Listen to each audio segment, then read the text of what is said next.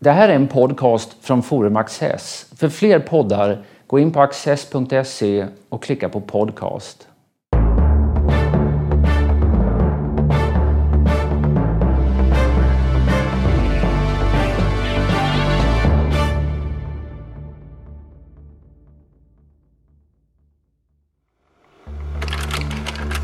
Joseph Conrad är en brittisk författare av polsk härkomst. I vårt land ryktbar nästan uteslutande för kortromanen Mörkrets hjärta. Som utspelar sig i de trakter kring Kongofloden som den belgiska kungen Leopold II lät exploatera med brutala metoder. Den ensidiga inriktningen på Mörkrets hjärta föranleder en skev och reducerad bild av författarskapet som rymmer storverk som debuten Almayers dårskap och idéromanerna Nostromo, Anarkisten och Med andra ögon. Karl Rudbeck, litteraturdoktor och skriftställare, samtalar med Peter Luttersson. Beträffande Josef Conrad finns det två tolkningstraditioner. Båda enligt min mening felaktiga. Den ena går ut på att han skulle vara en antikolonialist och antiimperialist. I Sverige är den nästan allenarådande, beroende på det stora inflytandet från Olof Lagerkrans och Sven Lindqvist och i någon mån Gunnar Fredriksson som alla har skrivit om Konrad. Den andra, enligt den är Konrad en jävla rasist. För att citera Chinua Achebe, den nigerianske författaren som är portalgestalt för den. Vad tycker du om de där tolkningstraditionerna? Du säger att de är felaktiga och jag är väl benägen att hålla med dig. Men å andra sidan så att varje någorlunda komplex författare och Conrad är en väldigt komplex författare, ger ju upphov till vitt skilda tolkningar. Jag skulle snarare säga att det faktum att han givit upphov till så skilda tolkningar visar hur stor författare han är.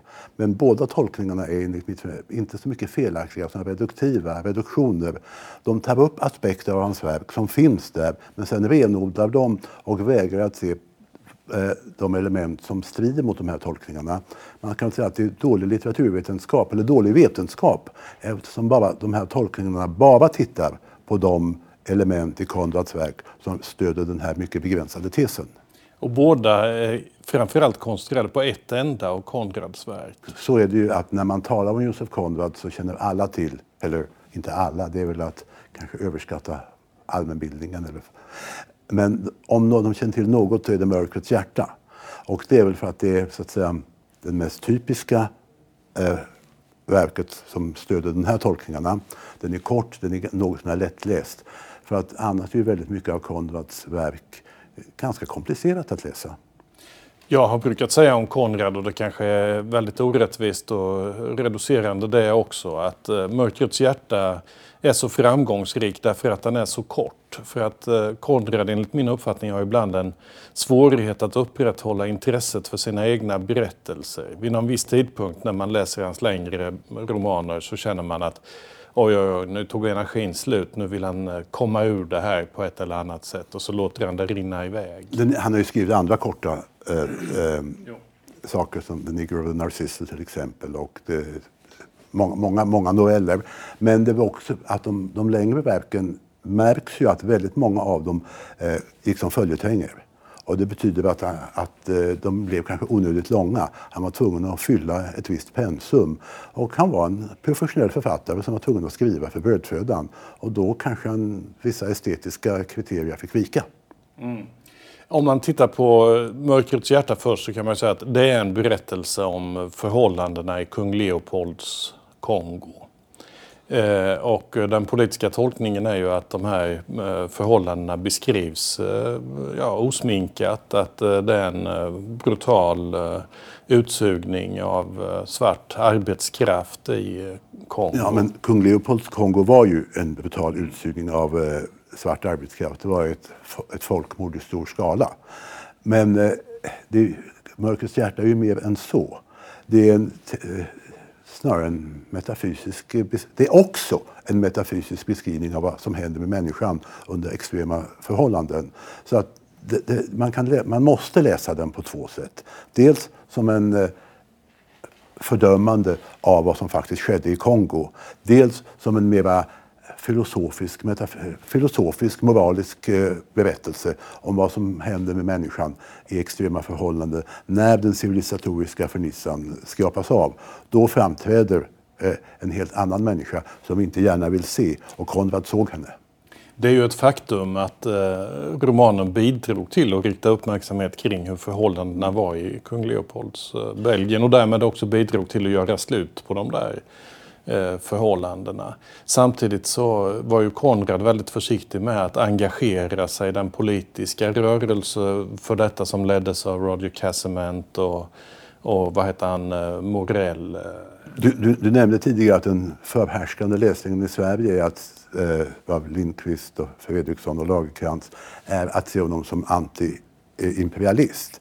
Det, det, var han inte för han ifrågasatte ju aldrig systemet som sådant. Och inte det brittiska British, systemet framförallt? Jag skulle göra lite, eh, kanske några år senare skrev ju André Gide en reseskildring från sin resa till Tchad och till Kongo där man hittade liknande förhållanden. Men inte heller han ifrågasatte systemet. Han ifrågasatte eh, mänskliga ogärningar. Men systemet ifrågasattes aldrig. Mm. Och det är därför som eh, det är svårt att se Konrad som antikolonialist eller antiimperialist. Vi får gå ganska långt fram i tiden för att hitta eh, författare som riktigt motsvarar vad Lindqvist och Lagercrantz sökte. Den andra bilden, att han skulle varit en jävla rasist, det bygger ju på att han inte intresserat sig särskilt mycket för de svarta som individer, utan de finns bara med som en kuliss.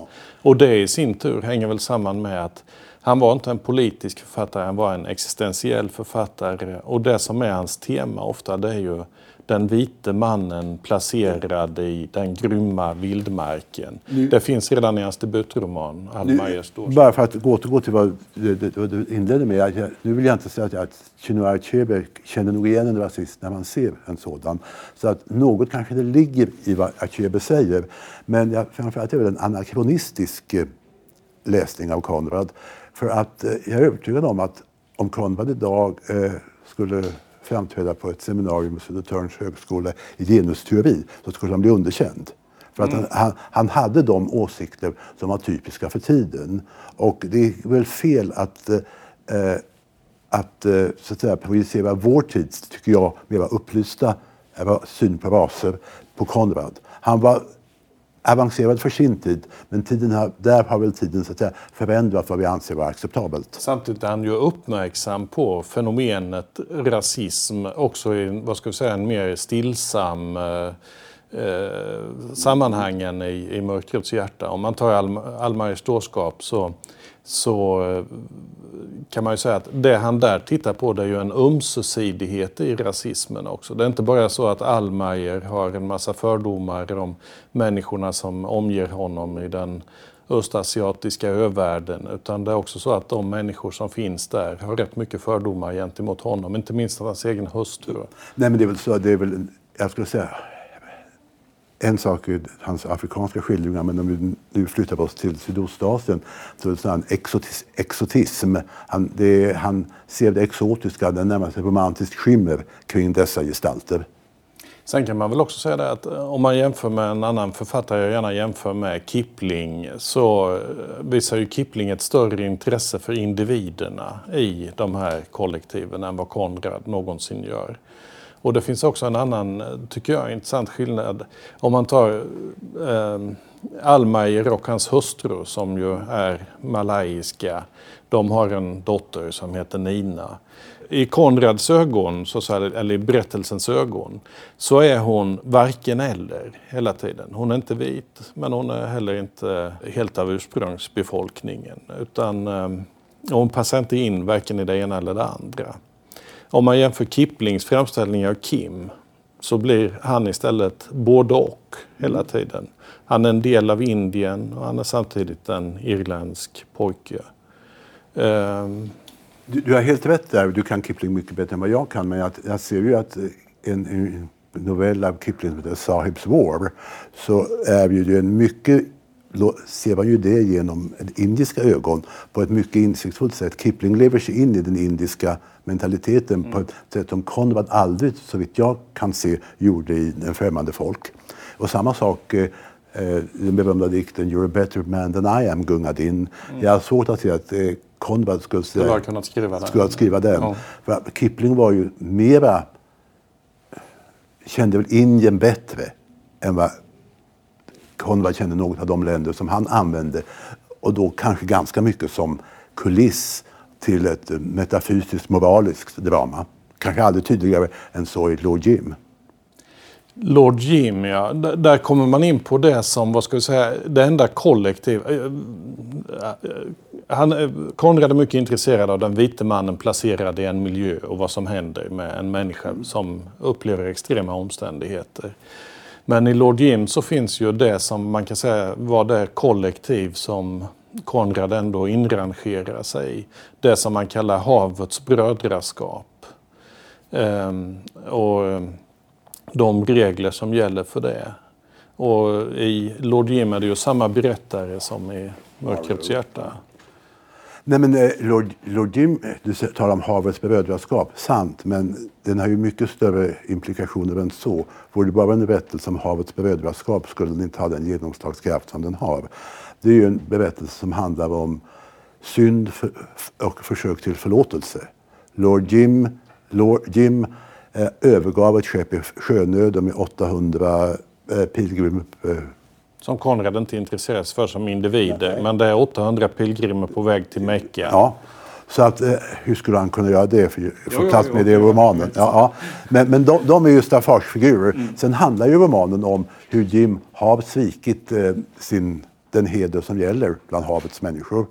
Och hur han sen under resten av sitt liv, ända fram till sin självvalda död, försöker att eh, återupprätta sin heder i framförallt sina egna ögon.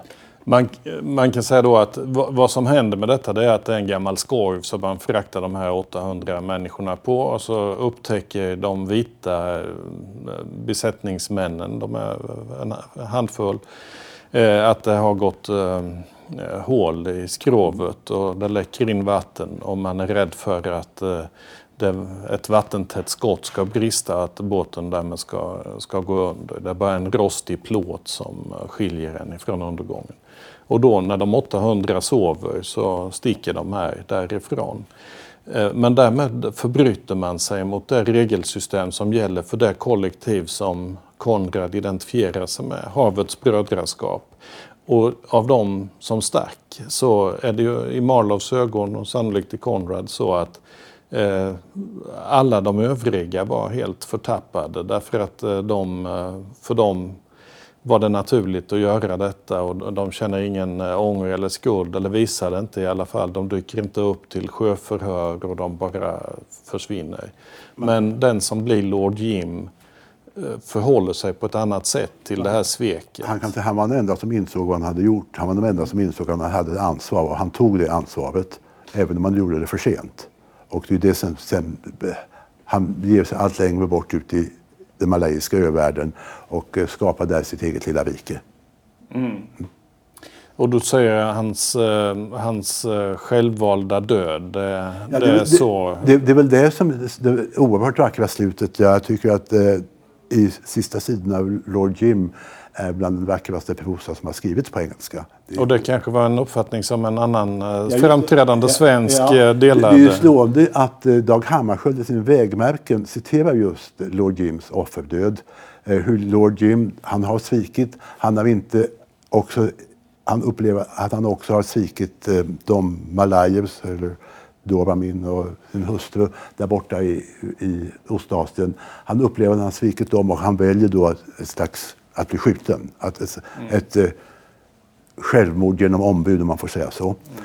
Och eh, Dag Hammarskjöld citerar detta och med tanke på det liv och de ideologier och det slut han mötte så är det någon slags ironisk historisk parallell här. Hammarskjöld måste ha identifierat sig med Lord Jim. Mm. Varför, om det var något svek eller varför inte, han såg sitt, hur han såg sitt uppdrag, det vet jag inte. Men eh, det är intressant att se hur han väljer att lyfta fram just det avsnittet. En annan sjöroman av Konrad, eh, ja vi kan säga det förresten att eh, den stora biografin om Josef Konrad, den heter Tre liv. Han levde tre liv. Först, han var född i Polen och eh, var engagerad i den polska frihetskampen gentemot ryskt eh, överhöghet. Eh, sen så var han eh, engelsk sjökapten eller sjökapten i brittiska flottan. Och sedan slutligen var han författare stationerad vid sitt skrivbord. I England någonstans. Mm. Nej, men jag skulle säga att det är ett mycket märkligt, märkligt liv. Och eh, vad som kommer bort tycker jag i eh, diskussionen om Konrad, det är vilken oerhört vacker prosa han skrev. Hans, eh, hans oerhört, På ett språk som inte var hans rika språk. Och det är märkligt, engelska var hans tredje språk. Eh, polska var det första, franska var det andra. Och det var på engelska som han blev eh, en mästare. Och det är väl ytterligare två författare som har blivit mästare på främmande språk. Jag kan bara på rak arm tänka mig två. Det skulle vara Vladimir Nabokov och Samuel Beckett som ju båda två eh, skrev bättre än de flesta inhemska på språk som inte var deras modersmål. Mm. Men jag vill än en gång betona att jag tycker att kanske diskussionen om Konrad, eh, han är en så pass spännande moralisk författare så man glömmer bort hans stilistiska mästerskap. Men om vi talar om hans, eh, jäm, eller hans kronologiska jämlike Henry James så kommer man alltid att tala nästan först om stilen och sen eventuellt vad böckerna handlar om. Och, eh, Men det är ju för att innehållet är intressantare i Konrads böcker än Exakt, Henry James. Det, det, det, det jag tänkte säga, vad jag skulle komma fram till. Och, eh, det gör att vi kanske tenderar att glömma det oerhört fina språket. Som ju är komplicerat och det sägs ju att när Konrad läste högt ur sina romaner så förstod inte folk vad han sa för han talade uppenbarligen med en eh, kraftig accent eller brytning. Och jag vet inte om det finns några inspelningar av honom. Han var inte en Walter Scott då? Nej. men, men eh, för att återvända till moralen så en annan av de där sjöromanerna som har en väldigt icke-politiskt korrekt titel Negen på Narcissus. Ja, den. Eh, den handlar ju också om en moralisk komplikation. Där är det en eh, sjöman som har kommit på, det är han som är negen på skeppet som heter Narcissus som är en latmask och därmed skapade en massa komplikationer kring honom. Han, han blir också sjuk och många tror att han simulerar Eh, Eh, och besättningsmännen tar då ställning på lite olika sätt. Eh, eh, en del utifrån en rättighetsmoral och en del utifrån en pliktmoral. Eh, Konrad själv är väl uppenbarligen mest på pliktmoralens sida. Mest, alltså jag ska helt. Pliktmoralen är väl ett genomgående tema i hans bok, eller i hans böcker. Att människor har vissa plikter som de måste leva upp till. Om de inte gör det så förstör de inte bara för andra, de förstör sig för sig själva. Hela Lord Jim är ju ett exempel på hur en man som sviker sin plikt eh, måste ägna resten av sitt liv för att eh, eh återupprätta det. Det känns väldigt otidsenligt i dagens värld men eh, det är väl därför som det är det som gör Konrad så spännande idag i Lord Jim just så finns det en, eh, en replik av Marlowe där han säger åt helsike med idéerna. Och vad sätter han istället för idéerna? Jo, några enkla begrepp som man måste hålla fast vid om man vill leva ett hederligt liv och dö en lätt död. Eh, i den här... I den här ja, ett hederligt leva ett hederligt liv, men det blir inte en lätt död. För att den här den moral som Konrad eh, Ja, du menar Lord Jims död är ja, ingen ja, lätt död? Nej, nej det är det, inte. Det, det, det, men det är, ju, det är ju också att han förbröt sig emot de där enkla begreppen. Hade han inte förbrutit sig emot dem hade han kanske fått dö en lätt död. Men då hade det inte heller blivit någon roman. Då hade det inte blivit någon roman. Eller det hade blivit en annan roman, nämligen den som Lord Jim ibland kanske drömmer om, nämligen eh, hur han hjältemodigt som ende man stannade kvar och styrde skeppet till räddning. Men eh, för att återvända till, till Neger på Narcissus, där finns ett annat tema hos, eh, hos Konrad i det här eh, upproret. Man försöker, en, det finns en man där i, i besättningen som heter Donkin som försöker sätta igång med en, eh, ett myteri helt enkelt. Eh, inspirerad av den, eh, som han tycker, befälens dåliga behandling av eh, den lata och möjligen sjuka besättningsmannen ombord. Eh, vad gäller detta vad ska jag säga, socialistiska missnöje så har ju också Konrad en ganska tydlig mening. Ja, socialist var han inte.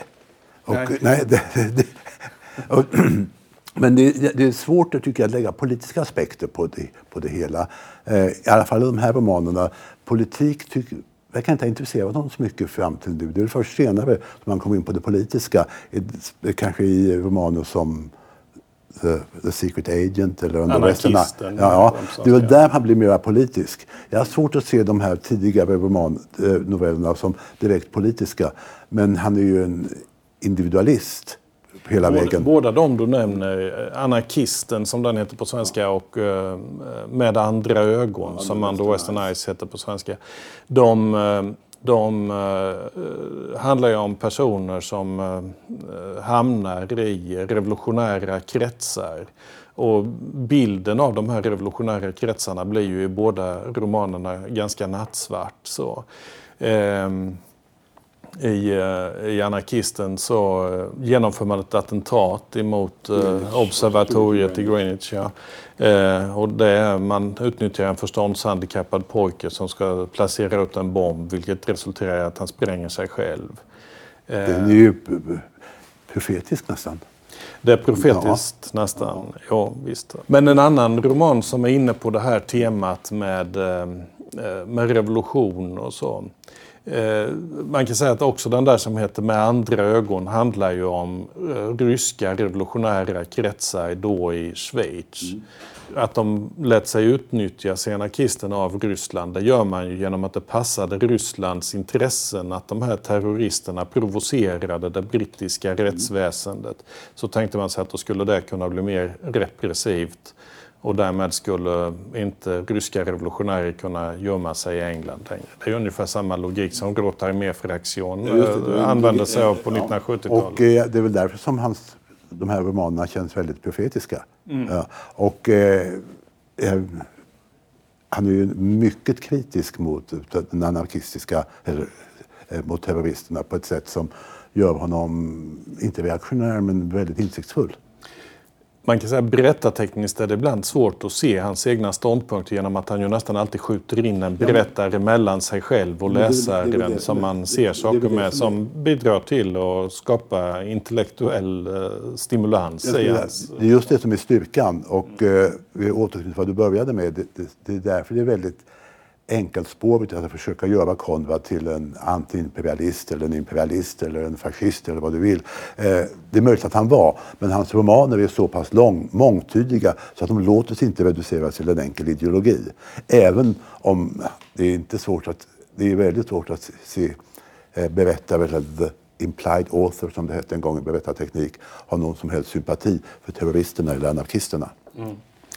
Men den, den, roman som jag nu eh, svamlade iväg till emellan här, eh, det var ju det som jag betraktar som hans främsta roman och, eh, och åtminstone delar den stora, hans stora biograf Frederick Carl den uppfattningen, nämligen Nostromo. Ja, det är inte bara det. Konrad blev ju F.R. Leavis, den stora kritikern från mellankrigstiden eller 50-60-talen, det var han som så lyfte fram Konrad som en stor författare. Och han såg ju då att just The Secret, Anarkisten och den du nämner, Nostrum, som hans stora böcker. Mm. Och den utspelar sig i ett fiktivt eh, sy sydamerikanskt eller latinamerikanskt land. Eh, och, eh, man kan säga att eh, när romanen börjar så har man fått en eh, liberal regering och eh, landet ligger ganska öppet för eh, eh västerländska affärsintressen och den stora eh, gruvdriften i landet ägs och administreras av en britt som gör det där på ett ansvarstagande sätt gentemot personal och så. Och man kan också föra dit samma saker som också det i Kiplings romaner i Indien händer Eh, glasögon nämns eh, som en särskilt förtjänstfull artikel. Eh, järnvägsbyggnation, här är också ångbåtar till exempel. Men den här liberala regimen är, blir ju kan man säga bara en liten parentes mellan två olika andra regimer på den här revolutionernas kontinent. Eh, först eh, finns det en diktator som ehm, Eh, där kan man också säga att det är något profetiskt för han ägnar sig mycket åt att av sina politiska meningsmotståndare under tortyr framtvinga bekännelser på ett sätt som mm. kan föra tankarna till Sovjetunionen och 1930-talet. Och sedan av ett par, efter den här liberala mm. perioden, av ett par revolutionära bröder som kallar sig frihetshjältar. Jag måste säga att Nostrum är ju den som du framhåller och som många andra framhåller. Men jag tycker att Konrad jag har aldrig varit lika förtjust i Nostrum som, som I Lodjim? Som i Lodjim, eller överhuvudtaget de östasiatiska. För där, ja, han kan den miljön, det känns som han kan den bättre. Och sen tycker jag att eh, Nostrum, den är för lång. Den blir alltför komplicerad för komplikationernas egen skull. Och den moralen är inte så mycket intressantare än vad man hittar, man hittar i de kortare böckerna. Så att eh, det är möjligt att eh, jag gör dig besviken men... No, no, Nej, inte alls. Nos, Nostrum jag eftersträvar har... inte att vi ska vara överens. Nej, men Nostrum har egentligen aldrig sjungit för mig som man säger. Mm. Jag håller med dig att det, det, är ju ett ja. Eh, klassiskt exempel på det där jag, jag var inne på innan att, eh, att han inte lyckas bevara intresset. Han bygger upp, tycker jag, en väldig komplikation och det är en rad personer som uppträder i romanen och, och, som står emot varandra på intressanta vis. Men vid någon viss tidpunkt så måste han avveckla denna roman och då väljer han en ganska banal... Banal och enkelt och det verkar som han tröttnade på det hela. Ja, så att jag ja. kan hålla med dig om att eh, finalen på, eh, Men, på Lord Jim har en helt annan... Ja, den öppnar mot nya perspektiv medan den andra scenen verkar ha tröttnat. Mm. Ja. Ska man, eh, ska man säga någonting ytterligare om, om eh, Konrad så kan man säga att du sa att han var fångad i sin tids föreställningsvärld. Men detta med civilisationstrappan är ju en given förutsättning ja. för hans berättelse. Men du, alla författare måste på något sätt vara fångade. Jag menar inte negativt. Mm. Författare som inte... Hur skulle, det är väl därför att man blir så intressant. För att han är fångad. Han är ett barn av sin tid. Och det måste han vara. Han, och, men han står också över den. Han kan se på den. Och vi läser för att få träffa människor som har en annan föreställningsvärld än vi själva. För vår egen, den kan ja, vi ju den kan något sånär. och ibland kan vi till och, och med bli lite trötta och, på och, och tänk om alla i, i Konrads värld lät som upplysta folkpartister. Vad trist det skulle bli. Tack Carl.